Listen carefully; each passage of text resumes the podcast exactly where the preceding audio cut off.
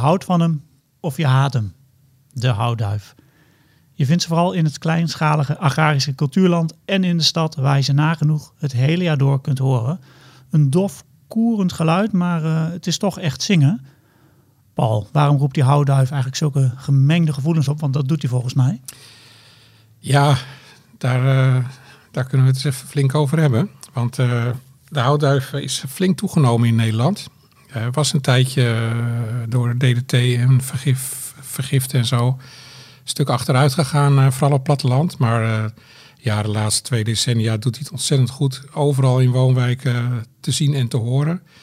Tot groot ongenoegen van velen, want ze koeren al heel vroeg in de ochtend en heel hard. Dus daar word je gewoon wakker van als je met de ramen open ligt, zoals nu met het warme weer. En ja, ze poepen natuurlijk lekker op auto's. Dat vinden ze heerlijk. En dat zijn flinke kladders, dus klodders.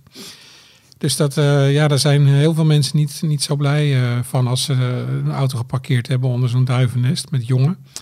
En ja, wat ze ook doen in de winter is, ze zijn gek op granen en vogelvoer. Dus ze, ze, eten heel veel, dat slaan ze op in een krop. Dus dan is gewoon het voer in één keer weg. En ja, dat kost natuurlijk ook een hele hoop geld. Dus niet, niet iedereen is er blij mee, maar ach, het zijn wel hele mooie vogels. Het zijn zeker mooi. Maar er zijn wel mensen, jij kent mensen die er wel blij mee zijn. Ik word, ik word blij van een, van een koerende houtduif nog steeds. Dus, en ik zet mijn auto gewoon niet onder die boom. En ik uh, voer ze met uh, voer waar zij niet bij kunnen. Dus dan, ja, ik word gewoon heel blij van die duif. Nou, mooi. Dan gaan we naar buiten om te luisteren naar de houtduif.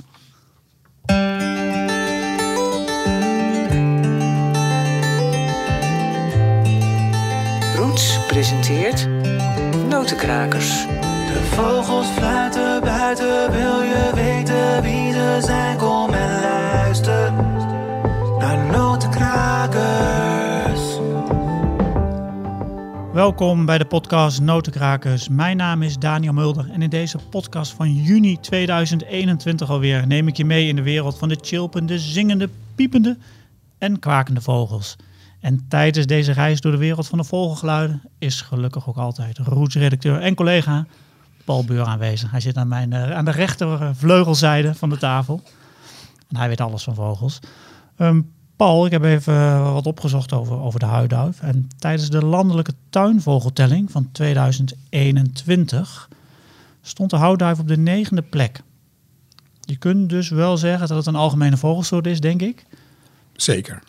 In Nederland in ieder geval. Maar geldt dat eigenlijk ook voor, voor andere landen? Voor, voor de rest van Europa bijvoorbeeld?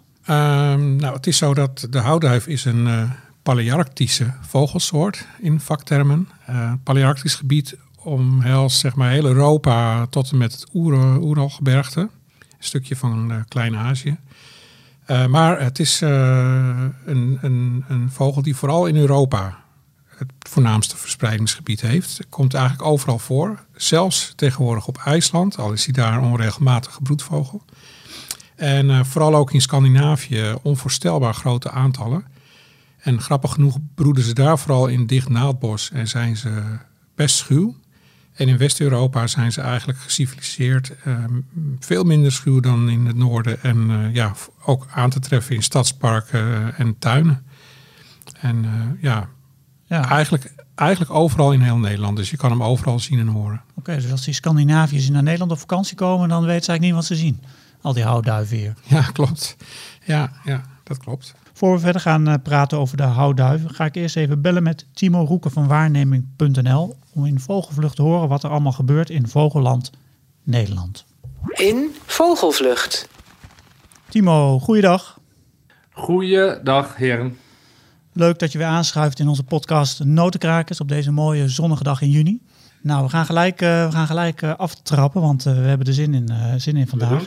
Jij komt altijd met een mooie soort op de proppen. Wat, wat heb je deze keer in de aanbieding? Ik heb een uh, in de aanbieding. Dat um, is, een, is, een, is een klein uiltje die voorkomt in, in Zuid-Europa en Noordelijk Afrika. En die, ja, die, die tref je gewoon niet zo snel in Nederland. Maar er zit er nu eentje in Delft, Zuid-Holland. In Delft. En waar, waar in Delft? In, in de binnenstad, in de, in de ommelanden? Ja, gewoon in een woonwijk eigenlijk. Dus dat is niet zo heel erg praktisch nu met corona. Um, maar hij zit er wel en hij uh, roept elke avond. En um, Eh, hij is uiteindelijk ontdekt eh, door iemand die op internet is gaan sporen of gaan speuren naar eh, wat is dat geluid nou eigenlijk? Want de omwonenden dachten al een paar dagen wat, dat, dat er ergens een autoalarm in de buurt afging. Ze konden het niet precies plaatsen. Het is een heel bijzonder geluid. Misschien dat je dat later voor de luisteraars nog achter kan plaatsen. Ja, dat is een goed idee. Ehm, ja, maar het is, het, is een heel, het is een heel bijzonder geluid en het, het klinkt niet echt hard. Ook niet als je, de, als je er vlakbij staat, maar het geluid dat draagt zo ongelooflijk ver uh, door een gebied heen. Het is een heel monotoon geluid. Ja, het is wel bijzonder om te horen. Paul, uh, Paul jij kun, als we het geluid niet kunnen vinden, gaat Paul nu even nadoen. Zo fluitend. Ja, exact. Oké, dus inderdaad, je, de, je, bent thuis en je denkt, wat hoor ik toch in de verte voor een gepiep? Een autoalarm kan het inderdaad zijn? Ja, het lijkt op een roestige deur die open gaat, zeg maar. Maar dan, uh, op, ja, het is een heel apart geluid. Beetje zenuwslopend ook, als ik hem zo, uh, als, als, je hem goed imiteert. Het is wel zo dat als je, zeg maar, uh, als mensen weer naar Frankrijk, Zuid-Frankrijk en Spanje en Griekenland en zo kunnen, komende zomer, dan hoor je hem daar echt elke avond, als het donker wordt, gaat hij roepen. Ook midden in de straat zit echt overal. Het is prachtig geluid. En het grappige is dat je, dan hoor je hem en denk je van, nou, ik ga hem gewoon even zien, want ik sta onder de boom waar die zit. En een uh, paar seconden later hoor je het van links. Is hij toch van de ene boom naar de andere gevlogen. Maar je ziet hem gewoon niet. Het is ongelooflijk. Het is heel moeilijk om hem te vinden. Ja, en Timo, waarom is dit zo, zo bijzonder? Waarom trap je hiermee af? Nou, het is, het is natuurlijk een uil. We hebben in Nederland aardig wat uilen uh, rondvliegen. Maar dit is, uh, als het goed is, nog maar de dertiende keer dat hij in Nederland uh, te zien en te horen is. En en wat ook al bijzonder is, is dat dit keer is hij best wel een tijdje aanwezig op dezelfde plek roepend. En dat is, uh, ja, dat is nog wel redelijk bijzonder. Uh, ook gezien de aandacht die dit soort uh, vogels krijgen. Want er stond toch aardig wat, er stonden aardig wat mensen en vogelaars stonden onder de bomen elke dag te, te luisteren. Maar daar, trekt hij zich dus echt helemaal niets van aan. Mm -hmm. Grappig is dat, hè? Er zijn, wel van die, uh, er zijn wel van die gestoorden, die nemen dan, omdat ze per se een foto willen nemen, die, uh, die nemen dan een hele bouwlab mee. Nou, dat uh, wil ik echt afraden. Dat, dat, dat kan echt niet. Ten eerste, je staat in een woonwijk. En ten tweede, er zijn foto's. Dus het is, uh, het is absoluut niet nodig. En je verstoort niet alleen de mensen ermee, vooral ook die vogel. Want die vogel die wordt natuurlijk gewoon geactiveerd door het feit dat het donker wordt en begint dan te roepen. Dus op het moment dat daar allemaal mensen onder staan met bouwlampen en flitsers en zo. Het is echt, af en toe, mensen zijn echt, echt hun verstand kwijt af en toe. Ja, het slaat af en toe uh, een beetje door dus. Maar die dwergoorel, uh, de naam dwerg, is die inderdaad zo klein? Waar moet ik aan denken? Wat voor een formaat? Hij is zelfs kleiner dan een steenuil. Het is echt een heel klein uiltje. En wat ook uh, heel bijzonder is, dat ze, ze variëren een beetje in uh, kleur van grijs naar roodbruin. En uh, het is net een boomschors. Dus als ze tegen een boom aan zitten, dan, dan, dan zie je hem gewoon echt niet. Hij valt gewoon helemaal weg tegen de achtergrond. Ja, klopt. Ja. En hij kan zich ook bij alarm, zeg maar, oprichten. Dan kan hij zich helemaal rekken, strekken, zeg maar. En dan valt hij nog minder op. Ja. Heel bijzonder beest. Ja, het enige wat altijd heel goed opvalt, uh, mocht je de ontzettend dikke mazzel hebben dat je hem overdag ziet, is dat zijn echt die felgele ogen. Ja. Die, uh, die springen er echt uit. Ja, en uh, ik stel deze vraag vaak natuurlijk, maar die dwergoil was natuurlijk eigenlijk niet op, niet, op zoek naar Nederland, maar ergens anders waarschijnlijk naar, naar, naartoe. Of, waar, waar, moest hij eigenlijk heen? Ja, hij is waarschijnlijk te ver doorgevlogen. Hè? Dus een deel die gaat in de zomer volgens mij richting Noord-Afrika en die vliegen dan weer terug. Ja, het is, een trek, het is echt een trekvogel. Hij overwintert uh, in Zuid-Europa en Afrika tot zelfs ten zuiden van de Sahara. En een deel uh, trekt gewoon dan weer, uh, weer terug. En dan, ja, dan schieten ze soms door. Zeker met zuidenwind. Dan heb je kans dat ze zomaar ergens opduiken. Mooi soort natuurlijk om, om te zien. Maar wees voorzichtig als je gaat kijken. En neem zeker geen bouwlamp mee. Timo, je, neemt ook, je kiest ook altijd nog een soort die je zelf opvallend vindt. Wat is dat deze keer? Ja, ik wil het graag hebben over de roze spreeuw. We hebben hier in Nederland natuurlijk onze eigen spreeuw. Um, ook een prachtige vogel, zeker als je hem in, in, in broedkleed ziet. Um, maar de roze spreeuw, die, de naam verraadt het al. Er zitten ontzettend veel, um, er zitten ontzettend veel roze zit er, uh, in het kleed. Vooral op de buik en op de rug. Het heeft ook een mooie roze snavel. Ehm, en wat ook wel mooi is, is het kuifje wat, eruit, uh, wat, wat, wat verder uitsteekt in, in broedkleed dan uh, bij onze eigen spreeuw. En het is een soort die ja, eigenlijk wat verder in Europa voorkomt. Hongarije broeden ze bijvoorbeeld. En het kan zo zijn dat af en toe dat er een soort van kleine invasiegolf richting de rest van Europa gaat. En daar lijkt nu sprake van te zijn. En vaak pakken we daar in Nederland ook wel een paar exemplaren mee. Um, wat wel jammer is, is dat je bij de roze spreeuw, die jonge vogels, die komen best wel vaak in Nederland uh, terecht. Uh, zijn nog steeds zeldzaam, maar die, zijn wel vaker die komen vaker in Nederland terecht dan de, de, vogels die echt in het broedkleed zitten, waarin dat roze dus zit. De jonge vogels hebben dat roze niet in hun kleed. En dit keer zitten er ook vogels uh, bij met een roze kleed. En dan kan volgens mij kan Paul daar iets meer over vertellen. Ja, Paul, want de, deze soort was tot voor kort een Eentje die volgens mij ergens op een lijstje bungelde bij jou? Ja, de grote frustro-soort voor mij. De, frust, de frustro-soort? De frustro-soort, nummer één. uh, dat komt omdat... Nou, ik woon langs de kust al heel lang en ik kom heel veel op Texel. En dan zoek je eigenlijk altijd in het voor- en najaar alle spreeuwen af. Op die ene roze spreeuw natuurlijk. Maar goed, het blijft een tref. Zoals mensen dat zo heel mooi kunnen zeggen. En uh, het is mij wel een paar keer op Tesla gelukt om zo'n jonge vogel uh, te zien. En, uh, dat, maar die zijn net wat Timo net zei, wat meer beige met een ja, gele snavelbasis. Dat is het dan, daar moet je het mee doen. Maar zo'n roze spreeuw, ja, daar hoop je gewoon op. Want dan, die zitten altijd tussen andere spreeuwen. En dat, je ziet dus een groepje zwarte spreeuwen vliegen. En er zit er opeens eentje bij met een roze rug. En ja, dat is gewoon de kick natuurlijk om die te vinden. En je bent gewoon spekkoper als je dat ooit lukt in je leven. En uh, nou, dat is mij nog niet gelukt. Maar ik heb wel gisteren bij Egmond voor het eerst dan zo'n... Uh, helemaal in zomerkleed, roze spreeuw gezien. Uh, eerst vliegend in zo'n groepje, een mooi roze ruggetje. En daarna ja, zat vooral in Duindoorn en een paar keer echt heel mooi in de kijker gehad. En dan zie je pas hoe echt mooi roze dat roze is. Waanzinnig. En voldeed het een beetje aan de verwachtingen na al die jaren zoeken? Ja, meer dan, dan wordt het natuurlijk een soort, uh, soort droom, soort die, die grootste wordt dan het misschien ja, is. Ja, het is gewoon een, uh, ja, daar moet je gewoon helemaal niet meer over nadenken. Dus ik kwam terug in de auto, toen heb ik even heel hard zitten schreeuwen. niet uh, wetende dat er allemaal mensen met kinderen in zwembadjes vlak achter mij in tuinen zaten. die hadden zoiets van, wat de fuck is dit? ja, dat was Paul Beuren die eilingszaaddeelt en schreeuw En Egmond weet het nu ook. Heel Egmond is op de hoogte. Timo, snap jij die vreugde van Paul een beetje? Ja, ja, die snap ik zeker. Ja, ja ik. Um, zo'n uit zo'n uiting van vreugde, dat is wel heel erg herkenbaar. Ik heb, um, ik, ik heb het ook een aantal keren mogen aanschouwen. En zo'n roze spreeuw is echt een feestje. En dat is echt niet alleen omdat hij zeldzaam is. Soms is het gewoon. Soms zie je een soort die heel zeldzaam is. En dat, dan is het eigenlijk alleen leuk omdat hij zeldzaam is. Want ze zien er eigenlijk heel erg saai uit.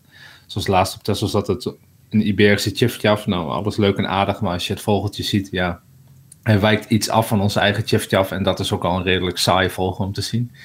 Maar deze vogel is niet alleen uh, leuk omdat hij zeldzaam is, maar deze is vooral leuk omdat hij echt heel erg mooi is. Ik kan echt iedereen aanraden om even op internet te gaan zoeken naar roze spreeuw. Ja, nou dat, dat moet je zeker doen. En nog even, uh, Paul, je legt al even kort uit hoe je, hem, hoe je hem kunt vinden. Maar dat is niet zo makkelijk, want hij zit tussen allemaal andere spreeuwen. Ja, het is... Hij zet er gewoon tussen zitten. Ja, weet je, als je spreeuwen wel eens bestudeert, ooit als hobby... dan zie je pas hoe, hoe, hoe die beesten eigenlijk zwerven. En uh, de, zomaar van de ene kant van de duinen naar de andere. En, en zomaar zijn ze helemaal weg. Dat kan gewoon elk moment gebeuren. Ja, in dit geval uh, zit hij in de PWN-duinen onder Egmond. En daar mag je dus absoluut niet van de paden af. Wordt flink bekeurd door de lokale boswachter. Die maakt daar een soort hobby van. Heb ik begrepen. Dus ja, dan, dan vliegen ze achter zo'n duintje langs. Het is daar een heel erg uh, wisselend duingebied. Dan is het gewoon ontzettend moeilijk. Want dan moet je gewoon het geluk hebben dat hij net even bovenop dat uh, duintje gaat zitten. Waar jij al twee uur naar staat te kijken. Maar goed, het is. Ja, je maakt de komende weken denk ik nog wel kans, want er zitten er veel. In Spanje zaten er zelfs 60, heb ik gelezen. En die komen allemaal uh, toch waarschijnlijk richting noorden. En, uh, dus je, je maakt gewoon kans, vooral langs de kust en later misschien ook wel in het binnenland, omdat ze vruchten eten. Ze zijn gek op vruchten. Dus uh, ja, als je op waarneming.nl af en toe gewoon kijkt, dan zal je zien waar je hem kan vinden. Met een beetje mazzel zie je hem dan. Ik zou het zeker proberen. Het is Ja. een absoluut aanrader. Nou, met een beetje geluk gaat het ook iets sneller dan, dan Paul erover heeft gedaan. Want die heeft er lang naar, lang naar moeten zoeken. Maar goed, dat is, is ook weer het mooie van vogelen, vind ik. Dat het soms gewoon steeds niet lukt en uiteindelijk, uh, uiteindelijk wel. Ja, maar ik word nou wel, ik ben wel weer tien jaar jonger geworden in één keer. Dus uh, ik kan gewoon weer tot mijn honderdtiende verder. Ik dacht vanochtend al, wie, wie zit daar toch tegenover me? Maar we gaan over naar een, van een, iets van een zeldzame, zeldzame waarneming naar een waarneming die bijna iedereen in Nederland wel uh, kan doen. De houduif. Timo, wordt die nog een beetje doorgegeven? Ik durf het bijna niet te vragen, want dat zal ongetwijfeld. Ja, ja zeker. Ook de, ook de houtduif uh, wordt uh, veel doorgegeven. Er zitten wel een aantal pieken in. Hè. Dan zie je dat waarnemingseffect. Dat uh, veel mensen die in januari weer beginnen met een nieuwe jaarlijst, die voeren dan weer voor het eerst de houtduif in. Ehm, maar in Nederland heb je ook wel kans op echt wel zeer spectaculaire trek van deze soort.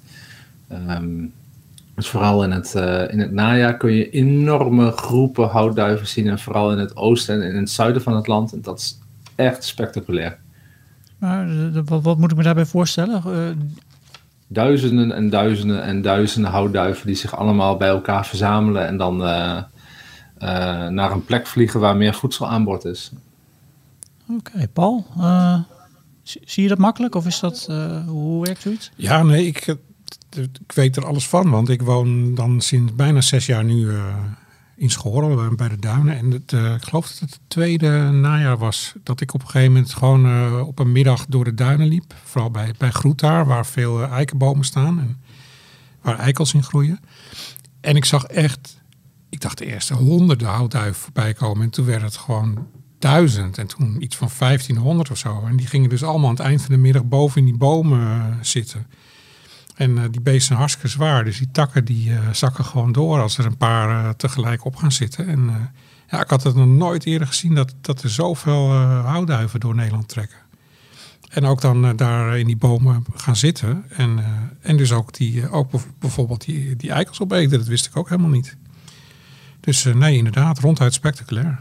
Ja, ja, in, in, in Limburg heb je gewoon van die telposten die uh, die kijken dan hoeveel uh, vogels er langskomen. Volgens mij is het dagrecord staat echt op bijna 300.000 houtduiven op een dag. Ja, ik had hier staan op de Hamert, uh, Limburg in oktober, ik weet niet welk jaar meer, maar 265.300 vogels op één dag. Ja. ja, dat was in 2018. Ah, ja, ja. ja, ongelooflijk. Ja, aantallen. Ja, en, en Timo, als we het over de houtduif hebben, duiven, dat is voor veel mensen natuurlijk gewoon een beetje een uh, algemene soort. Maar mm -hmm. als jij er wat langer naar kijkt, vind je dan een. Wat vind je dan van die vogel? Is dat iets wat je. Ja, ik, ben, ik ben echt fan van duiven. Um, uh, ondanks hun uh, wat domme uiterlijk. En ze zitten natuurlijk vaak ook voor je auto, vooral s ochtends vroeg. En dan heb je zoiets van: waarom vertrek je niet gewoon? Dus dan moet je weer op de rem voordat de vogel verder gaat. En ze zijn ook geen, um, tenminste de houtduif is geen geweldig nestbouwer. Er zijn een paar takken die worden bij elkaar geknikkerd en dan leggen ze wat eieren op. En uh, uh, soms vallen er wat uit, maar het blijkt allemaal niets uit te maken, want het is een hele algemene soort. Maar als je gewoon eens echt naar de. Uh, je ziet ze natuurlijk heel vaak, dus je moet echt weer wat opnieuw kijken naar zo'n soort om de schoonheid te kunnen waarderen. Dat is ook een beetje zo met de mannetje wilde eend. Um, de houduif is echt een hele, hele, hele mooie vogel. Net zoals onze holenduiven en de, de Turkse tottel duiven zien er echt prachtig en prachtig uit. Maar wat zie je dan als je, als je opnieuw kijkt? Ja, wat zie je? natuurlijk valt die, die, die, die witte halsvlek aan de zijkant, die, eh, die valt uh, heel erg op. En voor de rest zijn het bijna allemaal hele prachtige pasteltinten die in elkaar overlopen op dat hele lichaam van zo'n duif. Ja, ik, ik vind dat heel erg mooi. Ja, maar goed, de, de meeste mensen die, die zullen het voornamelijk herinneren van dat ze poepen en zo. Maar goed, uh, ja, alle vogels poepen. Uh, en de houtduif zit misschien wat vaker in de tuin dan een andere uh, Sterk, duif. Maar sterker nog, een andere vogel. Want het zijn gewoon hele mooie vogels. Wij poepen ook allemaal. Ja, precies. En niet op de ramen als het goed is. Maar... Nee, zelden op auto's. Ik uh, ga even naar iets, een andere, andere weg in als jullie het niet erg vinden. um, wat zeg je van het geluid, Timo van de Houtduif? Ik heb, hem, ik heb hem hier ook nog even voor je.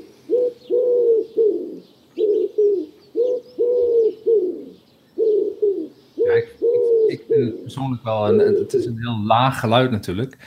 je merkt ook dat ehm, heel veel mensen die vogelgeluiden opnemen, die hebben heel veel moeite om het geluid van duiven bijvoorbeeld goed op, eh, goed op te nemen. Dat heeft alle, alles mee te maken dat je in Nederland regelmatig uh, geluidsoverlast hebt. En dat zijn voornamelijk auto's en vliegtuigen. Dus al die, wat je doet bij een opname van een vogel, dan neem je het geluid op en dan filter je die lage geluiden, die filter je er eigenlijk uit. Maar bij een houtduif, als je dat doet, dat geluid is zo, zo vol en zo laag, dan filter je ook gewoon het typische geluid van zo'n houtduif filter je dan eruit. Dus echt een goede opname maken in Nederland van het geluid van een houtduif is echt nog wel een uitdaging. Ik, ja, ik, ik vind het echt wel een. Ehm, het doet mij, je hoort het in het voorjaar natuurlijk heel erg veel. Wat sowieso, um, dan, komt, uh, dan komt de zon weer op, alles wordt weer groen. Dus dat is, een, dat is, een, dat is heel prettig om, eh, om dan te horen. Um, andere ervaring uh, die ik persoonlijk heb, is dat ze vaak ook heel erg vroeg beginnen en vaak net naast je raam gaan zitten. Dus je, het, het, is ook echt een geluid waar je wakker van wordt, omdat het zo laag is.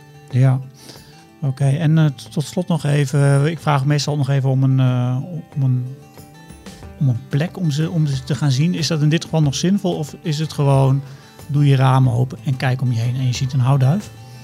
Ja, ja die kun je echt in heel Nederland in elke, elke het zijn ook de vogels zijn ook echt wel meer gebonden aan uh, de stad en het dorp dan, dan aan het bos. Uh, ze, ze, redden zich prima in menselijke omgeving. Dus uh, stap de deur uit, neem je verrekijker mee en je kunt het het hele jaar door kun je zien. Nou Timo, dat is een mooie, mooie tip voor mensen om te gaan doen. Dankjewel uh, deze keer ook weer voor je, voor je mooie soorten. Dan gaan wij, dan gaan wij verder. Graag gedaan. Veel succes en tot de volgende keer. Je hoorde Timo Roeken van waarneming.nl, waar hij werkt als projectleider. En iedere maand schuift hij in deze podcast aan om te vertellen wat er allemaal gebeurt in, uh, in Nederland. Vogeland, Vogeland Nederland zeg ik ook wel. Hij had dit keer over de dwergoruil die uh, in Delft uh, zit. En we hebben het gehad over de roze spreeuw, een droomsoort van Paul. En die droom is in vervulling gekomen, zoals je zojuist hebt gehoord. We hebben, we hebben het natuurlijk even gehad over, over de houtduif, die je eigenlijk overal in Nederland kunt zien. De mooie vogelgeluiden die je in notenkrakers hoort, komen van de app Bird Sounds Europe.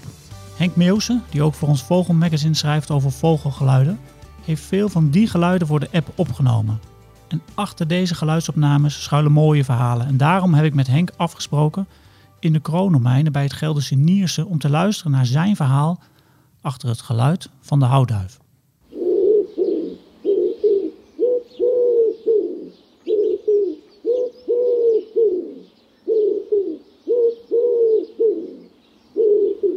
Wat horen we hier eigenlijk? Een van de geluiden die je ongeveer het jaar rond kunt horen.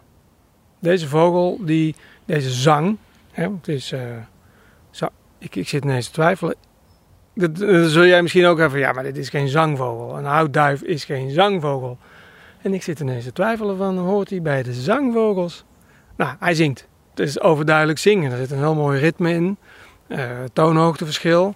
Dus ja, het is niet, uh, niet de zang waar je nou, uh, nou, in ieder geval ik niet, maar misschien de vrouwtjes houden daar wel echt lyrisch van wordt.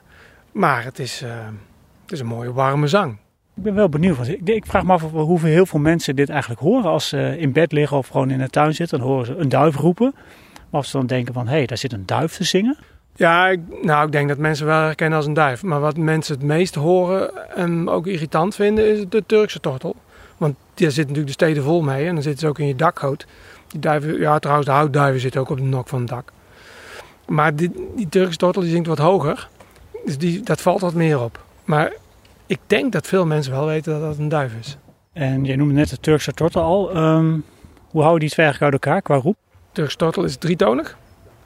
Die zingt uh, I love you. Heeft uh, Dick de Vos in zijn boek uh, een mooi zinnetje aan. Of eigenlijk zinnetjes, maar drie woorden. I love you. Dus is ook wel toepasselijk voor de, voor de, voor de situatie. En de houtduif die is vijftonig. En heeft hij ja, geen Engelstalig zinnetje, maar daar heeft hij als voorbeeld van gemaakt. Uh, boe boe, riep de koe. vijf tonen. En boe boe, riep de koe. Dat is, uh, ook, daar zit het ritme mooi, mooi in wat de duif doet. Um, dus daar is hij, boe, als je het zinnetje niet kunt onthouden, dan is het in ieder geval drietonig is uh, de, Turkse tottel en vijftonig is de houtduif. En dit geluid, in mijn beleving, want ik woon in de stad, hoor ik dat het hele jaar. Klopt dat? Ja, daar begon ik eigenlijk al mee. Hè. Het is het geluid wat je het hele jaar kunt horen. Het is wel zo dat in het seizoen, zeg maar, uh, nou ja, van februari tot in uh, juni, golfweg, dan hoor je overal wel houtduiven zingen. Maar ook in de winter, het moet stevig vriezen, wil je gewoon echt geen houtduif meer horen.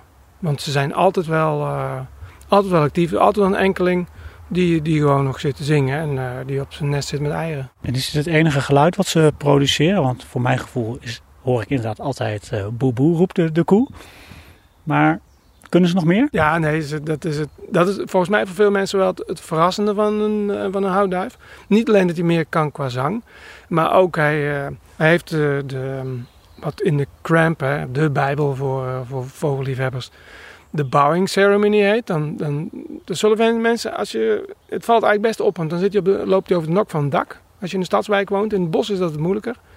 In de stadswijk, nok van het dak, vrouwtje zit er, mannetje zit er vlakbij en dan gaat hij buigen. En dan laat hij een heel ander, ander zangtype horen. Ik, ik denk dat het een eh, manier is om haar te verleiden of weet ik wat. Je hebt ook de nestkoer. Dat heeft de Turkstortel ook. Vlakbij het nest. Om het nest kenbaar te maken. Eh, dat is een, veel binnensmonds. Dat is ja, een heel ander soort geluid. Dus hij heeft eh, drie, drie zangtypen. Dan heeft hij nog een mooie balsvlucht. Hè, op een gegeven moment vliegt hij op uit een boom. En dat, kent, iedereen heeft het vast ooit gezien. Dan gaat hij omhoog. En dan bovenaan dan klapt hij met zijn vleugels. Klap, klap. Eh, en dan daalt hij weer naar beneden. Gaat hij, daalt weer. En eh, dat herhaalt hij een paar keer. Hij heeft een hele mooie balsvlucht. Dus ik vind eigenlijk de duif, houtduif een beetje dommig eruit zien. Als je ziet hoe hij met zijn nest bezig is, takjes aanslepen, valt weer naar beneden. Het nest ziet er niet uit. Dus in sommige opzichten zou je kunnen zeggen, het is een beetje een dommige vogel. Maar van de, van de liefde, zou ik maar zeggen, om het zo te noemen, daar maakt hij best wel wat werk van. Ja, maar dus eigenlijk zeg je ook wel een beetje van als je iets meer in een vogel verdiept, hè, op het eerste oog misschien een beetje dommig, dan kun je meer zien en horen dan je op het eerste gezicht denkt. Ja, zeker, zeker voor de houtduif. En dan heb ik het eigenlijk het mooiste nog niet genoemd. En dat is iets wat ik eigenlijk door het werk van Dick de Vos met zijn boek heb geleerd. Is dat dat ezelsbruggetje van die houtduif. Boe boe riep de koe, boe boe riep de koe. Dan denkt iedereen, ja, zo klinkt het. Als je goed luistert, begint hij niet zo. Hij begint niet met twee keer boe en dan riep de koe. Hij, zei, hij zingt eigenlijk boe riep de koe, boe boe riep de koe, boe boe riep de koe, boe. En dat, is, dat heb ik dus tientallen jaren als vogelaar niet gehoord. En door de samenwerking met Dick, ja, eh, je hoort het eigenlijk altijd dat hij het zo doet. Oké, dus eigenlijk iedere eh, zangbeurt, om het zo maar even te noemen, begint hij met boe en eindigt hij met boe. Precies. En in onze oren klinkt het als boe boe riep de koe, boe boe riep de koe. Maar dat is niet zoals de duif het zingt. Dus we moeten allemaal goed naar de duif luisteren. En dan dit gezegd hebbende, dat doen de duiven zelf ook. Want als je duiven hoort zingen, ze zitten met z'n allen bij elkaar, hier in een boom, daar in een boom. De ene duif zingt, als die stilvalt, neemt de volgende duif het over, valt die stil, neemt de volgende duif het over. En zo vertellen ze onderling aan elkaar. Zo, ben jij er nog? Ja, ik ben er nog. Dat is echt, dat is heel mooi. Hè? Het zijn eigenlijk ook heren. Het zijn ook heren. Ze laten de ander uitzingen en dan nemen ze hun eigen moment om even te zingen. Nou, dan gaan we nog even één keer luisteren naar, uh, naar het geluid van de houtduif. En ook even opletten of je boe aan het begin hoort en aan het eind.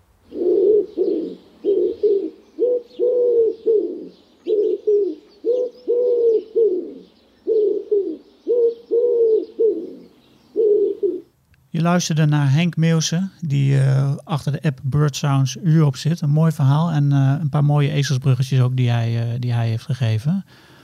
Paul, de zang van de houtduif. Je hebt wel eens verteld dat je dat een beetje een zomerse klank vindt. Vind ik wel, ja. Ja, maar, maar waarom eigenlijk? Nou ja, je hoort hem op warme dagen al vanaf 's ochtends vroeg. En hij koert eigenlijk tot, tot 's avonds als een van de laatste hoor je nog de houtduif. En ik, ja, ik, vind het een, ik vind het persoonlijk een loom geluid. Ik, ik vind ook zo, in de zomer dan hoor je, heel, hoor je eigenlijk nog maar weinig vogels zingen. Maar die duif, die, die houtduif, die koert gewoon uh, lekker door. Die heeft altijd een goed humeur, heb ik het idee. Dus eigenlijk daarom. Ja, ze, zingen, ze zingen eigenlijk het hele jaar. En van ochtends vroeg tot, uh, tot s avonds laat. En je hoort hem eigenlijk ja, ook in de zomer de, de hele dag. En ja, ik vind het ja. gewoon een heel, heel fijn. Ik vind het ook een heel prettig geluid, moet ik eerlijk zeggen. Mm -hmm, ja. Als ik s ochtends wakker word, is het vaak een van de eerste vogels die ik uh, bij mij hoor. Dus, en als ik s'avonds nog in de tuin zit, dan valt het je niet eens op. Maar dan opeens denk ik van, oh ja, ik hoor een merel. En de houtduif. Bij ons zitten er een paar in de straat, dus je hoort hem eigenlijk wel de, de hele tijd. Nou, Oké, en eh, Ti- Timo had het er net al even kort over. Eh, als je goed naar de houtduif kijkt, dan, dan, dan ontdek je eigenlijk weer hoe mooi die vogel is. Dat heeft spreeuw ook een beetje, vind ik. Zeker. Eh, eh, Timo zei al een klein beetje wat over, de, over, zijn, over zijn uiterlijk. Maar kun, kun jij nog even de houtduif eh, samenvatten in een paar beelden? Ja, wat Timo zei is die witte vlek in de nek. Die hebben alleen trouwens de, de oude vogels. De jonge vogels die straks weer geboren worden en uitvliegen, die hebben, die hebben niet die witte vlek. Die hebben wel weer wat meer roze op de, op de buik. Als een houtduif vliegt, zie je op allebei de vleugels een hele witte vleugelbaan. En ze hebben een grijze staart met een zwarte eindband. Dat valt dan weer in de vlucht op. En als ze dan zitten, ja, moet je eigenlijk eens een keer, eh, als je een verrekijker hebt, naar die kop kijken. Want zodra die de kop draait, dan gaat dat, dat ja, hij heeft, hij heeft paars, hij heeft groen, hij heeft eh, allerlei kleuren in die eh, nekveren, net als een spreeuw eigenlijk. En op het moment dat dat in het zonlicht, ja, als hij dan draait met, die, met zijn kop, dan, dan zie je steeds weer andere kleuren. Ja, het is, het is echt een heel magnifiek mooi beest. En ze zijn natuurlijk ook super groot en eh, best wel eh, aan de, de dikke kant. Dus het zijn een beetje log en onhandig, weet je. Eh, wat dat betreft, ook als ze in een boom zitten, dan hoor je enorm eh, geklapper en takken. En, eh, ze, zijn, ze, ze worden ook heel vaak doodgereden, want ze vliegen veel te laag de weg over. En de kans dat een auto hem dan pakt is gewoon groot. Dus het zijn gewoon een beetje onhandige vogels. Maar eh, ja, dat heeft toch ook wel weer zijn charme, vind ik. Ja, ik vind het echt een eh, geweldig mooi beest. ja en, en is de houtduif nog te verwarren met enige andere eh, duif in Nederland? Nou, het is absoluut de grootste. Je hebt verschillende andere soorten duiven in Nederland. De bekendste is natuurlijk wel de, de rotsduif of de, de stadsduif. Die eh, is wat kleiner. Nou, de stadsduif is gewoon een, hè, wordt ook wel een tamme duif genoemd. Die zit ja, bijvoorbeeld op de Dam, hè, is heel bekend, maar ook rond kerken. En zijn steeds minder postduivenliefhebbers, dus je ziet ze minder vliegen dan vroeger. Dat Ja, is een uitstervend vak. Want wat je net zegt, eh, die duiven die op de dam zitten, dat zijn dus geen houtduiven. Want we hebben het hele duiven in de Ja, stad. dat zijn eh, tamme duiven. En die tamme duiven, die zitten ook bijvoorbeeld op stations, eh, zie je die lopen. En ja, dat is een, ook een soort die eigenlijk afkomstig is van de wilde rotsduif. En de rotsduif die leeft in bergen en langs, bijvoorbeeld langs de kust in Engeland en Frankrijk zie je ze. Die hebben een hele duidelijke, die hebben altijd hetzelfde, hetzelfde verenkleed. Het is echt een wilde vogel. Hebben een- bijvoorbeeld een witte stuit en eh, twee eh, zwarte banden over de vleugel. Ook echt een hele mooie vogel. Maar die zie je bijna nooit. Die zijn echt best wel, eh, die zijn niet echt algemeen.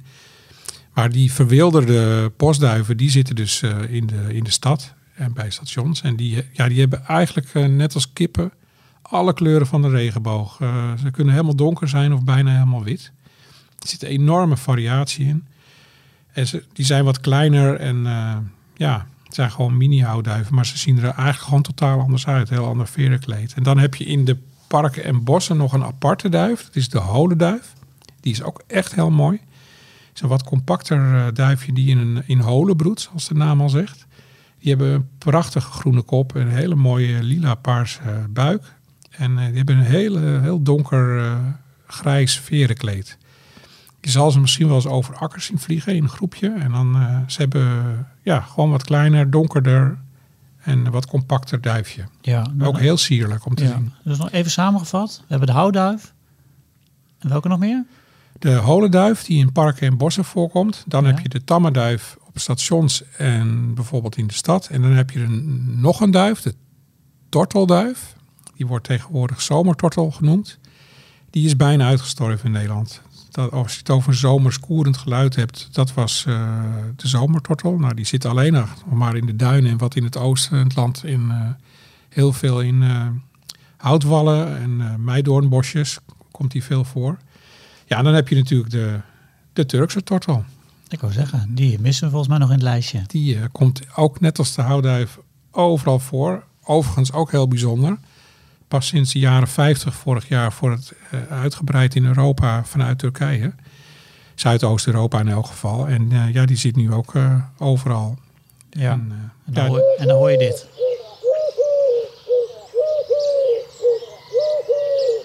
Ja, want daar had ik het met Henk natuurlijk ook al even over om, om, om die verschillen in die geluiden uit, te- uit te leggen. Dat heeft Henk mo- mooi uitgelegd. Ja, de Turkse tortel heeft een driedelige groep. De houtduif een vijfdelige groep. Dat is eigenlijk het beste. Dus de houtduif heeft er twee eh strofers bij. Hmm. Ja, en wat Henk al uitlegde, hè, dat, eh, Met de boe en de koe en de I love you. Ja, prima ezelsbruggetjes Ja, om, om ze uit elkaar te houden. In ieder geval voor Ja, die. Turkse tortel ziet er trouwens totaal anders uit dan een eh, houtduif. Die is gewoon helemaal beige met een zwart nekbandje en ja, wat wit en wat donkers op de staart. Maar totaal andere vogel. Langgerekt, slanker dan de plompe houtduif. Ziet er heel, heel anders uit. Je, had, het- je had het al even over, eh, toen straks al even over het eten, hè, van eh, wat ze allemaal eh, aan voer eh, opeten, ook, ook uit tuinen wellicht. Maar wat, eten ze nog meer, behalve eh maiskorrels en dat soort zaken? Nou, volgens mij eten ze ook vruchten, zoals eikels. En je ziet ze veel in het najaar op akkers waar veel ehm, granen zijn blijven liggen en maïskorrels. Herfstbessen eten ze maar beukennootjes, klaverzaadjes. En in de winter ook eh, zijn ze helemaal gek op de bessen van klimop. Die klimop gaat pas heel laat eh, bessen vormen. En dan eh, is dat eigenlijk een groot deel van voedsel voor hun. Oh, oké. Want ik heb als een, inderdaad een houtduif in de klimop zitten. En dacht, wat doen ze daar eigenlijk? Maar zitten ze op die bessen te azen? Ja, merels zijn er ook gek op. En de houduif dus. Ja, en verder eten ze ook heel aparte dingen zoals plantenwortels, eh, knoppen van kiembladen. En eh, ja, eigenlijk, eh, eigenlijk eten ze gewoon ja, bijna alles. En wat je ook altijd doet, is een paar leuke weetjes verzamelen. Dat vind ik altijd een leuk onderdeel. Heb je nog, welke heb je gevonden? Nou, wat misschien wel grappig is, het, dat het mannetje heet de doffer. En het vrouwtje wordt duivin genoemd. Ook wel duif, maar dat wist ik zelf dus ook niet. Zo grappig. Nou. Nou, en elk jaar worden er eh, in Nederland alleen al naar schatting 1,5 tot 2 miljoen jonge houtduiven geboren. Dat vond ik ook wel eh, best wel veel. Ehm, nou, wat ook wel grappig is, is dat eh dat is ook nog een leuk verschil tussen de houtduif en de Turkse tortel. Ze hebben allebei een opvallende balsvlucht. Die houtduif die eh, vliegt gewoon rechtdoor, maar dan klappert hij met de vleugels en dan maakt hij een soort, gaat hij even omhoog en dan weer naar beneden. Dat doen ze ook wel in het najaar gewoon als er een andere duif langs vliegt om even macho eh, gedrag te vertonen.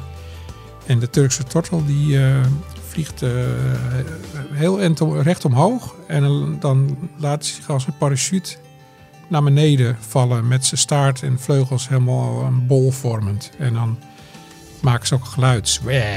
Zo'n geluidje maken ze dan. Dus dat is wel grappig. Waren dat de weetjes of heb je er nog één? Of is dit... eh, het zijn er al heel veel trouwens. Eh, nee, volgens mij is het er wel.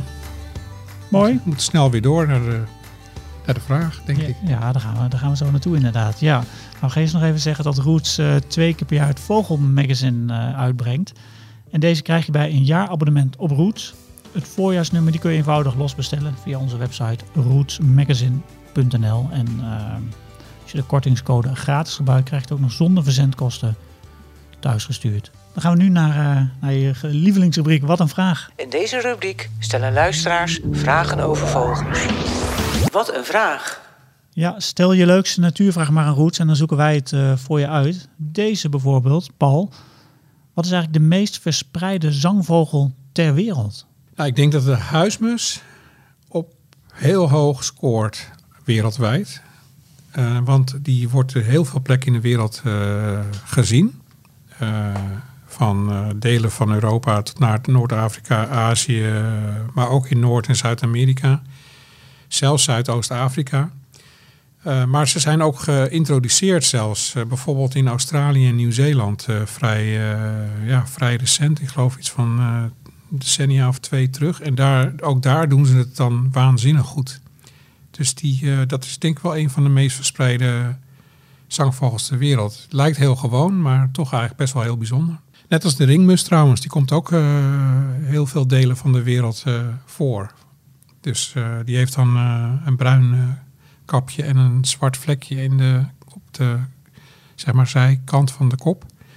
Daaraan te herkennen. Die komt ook in heel veel delen van de wereld voor. Maar de huismus absoluut echt heel veel. Die hoor je overal, overal in de wereld bijna, bijna zingen. Overal Nou, dan, chilpen, ja. dan moeten we daar ook maar eens een keer een, een podcast misschien over maken. Ja, dat is ook wel leuk. over, Ja. over dat geluid, ja.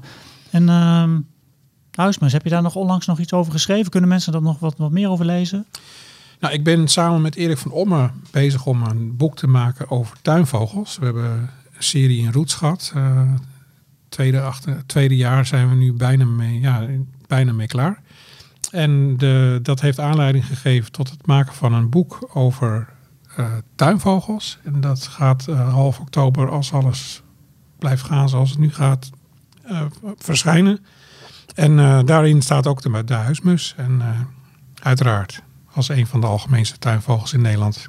Dus dat Mooi. zal eh, hopelijk weer eh, ja, voor veel eh, luisteraars en lezers een, eh, een aanwinst eh, worden. Ja, dus na je uilen, uilen en roofvogel eh, eh, boek komt je tweede boek eraan. Ja, Samen met Erik van Ommerdam. ja hartstikke leuk. Ik ben heel benieuwd. Nou, wij ook. Ehm, nou, heb jij nou trouwens ook een, eh, een mooie vraag voor, eh, voor deze podcast en, voor- en voor Paul? Ehm, mail die dan naar ons naar info.rootsmagazine.nl en wie weet eh, beantwoorden die in de volgende podcast. Notenkrakers.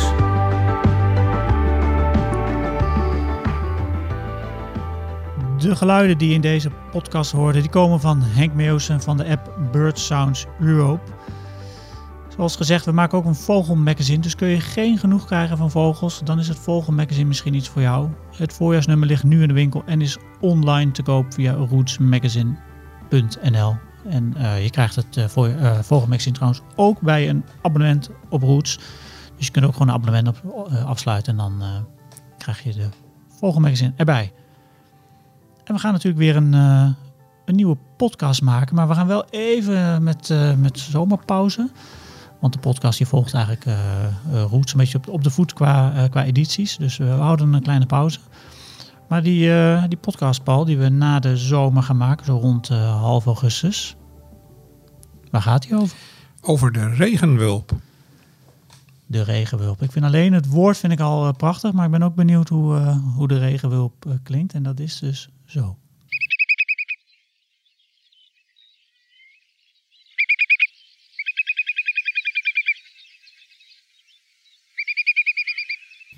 Dit de regenwulp? Dat is de regenwulp. Mooi geluid. Ik wil hem eigenlijk nog een keer horen. Beetje mysterieus of zo. Zeker. eh, Maarten het Hart schreef er al ooit een boek over een vlucht regenwulpen. In het voorjaar eh, zijn alle vogelaars erop gespitst om het geluid eh, te horen als eerste. Dat ze weer overvliegen naar het noorden. Maar ja, in augustus, juli en augustus trekken ze weer terug door Nederland. En dan hoor je dit geluid zowel eh, overdag als, maar ook s'nachts. Midden in de nacht kan. eh, ze trekken ook wel eh, over het binnenland. En dan kan je hem zomaar over je huis horen roepen. Dus dan denk ik, ja, misschien hebben heel veel mensen wel eens gedacht van, wat is dat voor een geluid? Nou, van de regenwulp. Ja, Nou, nou, de volgende keer vertellen we er meer over. mooi geluid om eens dieper in te duiken.